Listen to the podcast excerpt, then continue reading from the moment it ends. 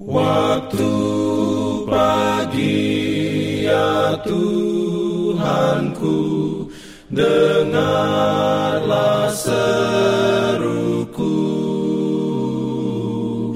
Melayang doa yang sungguh Memandang padamu Selamat pagi pendengar Radio Advent Suara Pengharapan.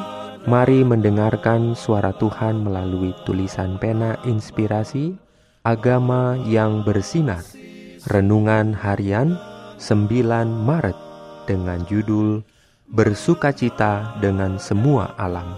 Ayat inti diambil dari Mazmur 96 ayat 11 dan 12 Firman Tuhan berbunyi Biarlah langit bersukacita dan bumi bersorak-sorak.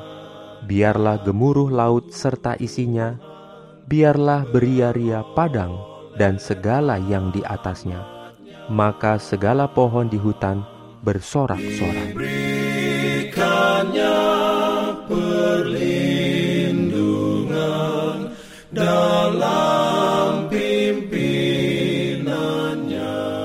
Urayanya sebagai berikut. Allah ingin agar anak-anaknya menghargai karyanya, dan menikmati keheningan keindahan yang sederhana yang merupakan ornamen hiasan Allah bagi rumah kita di bumi. Sang Pencipta yang menanami Eden yang indah untuk orang tua pertama kita dan yang telah menanam bagi kita pohon dan bunga yang indah dan menyediakan segala sesuatu yang indah dan mulia di alam untuk dinikmati umat manusia dirancang agar mereka dapat menikmatinya.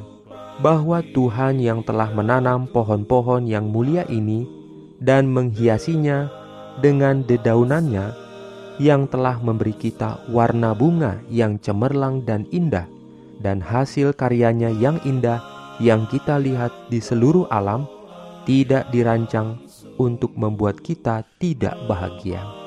Dia tidak merancang bahwa kita tidak akan merasakan apa-apa dan tidak menikmati hal-hal ini adalah rancangannya bahwa kita akan menikmatinya dan bahagia dalam pesona alam yang merupakan ciptaannya sendiri. Biarkan saya menikmati keindahan kerajaan Allah. Biarkan saya menikmati lukisan-lukisan yang diwarnai oleh jari-jarinya sendiri saya mungkin menikmatinya, Anda dapat menikmatinya. Kita mungkin tidak menyembahnya, tetapi melaluinya kita dapat diarahkan kepadanya. Dan lihatlah kemuliaannya yang menjadikan semua ini untuk kesenangan kita. Diberikannya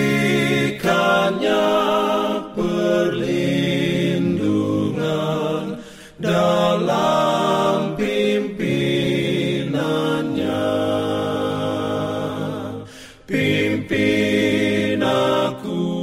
Jangan lupa untuk melanjutkan bacaan Alkitab sedunia.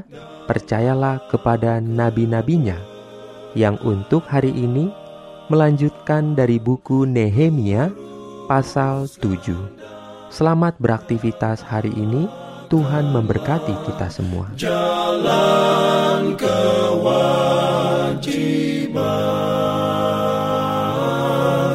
jalan keselamatan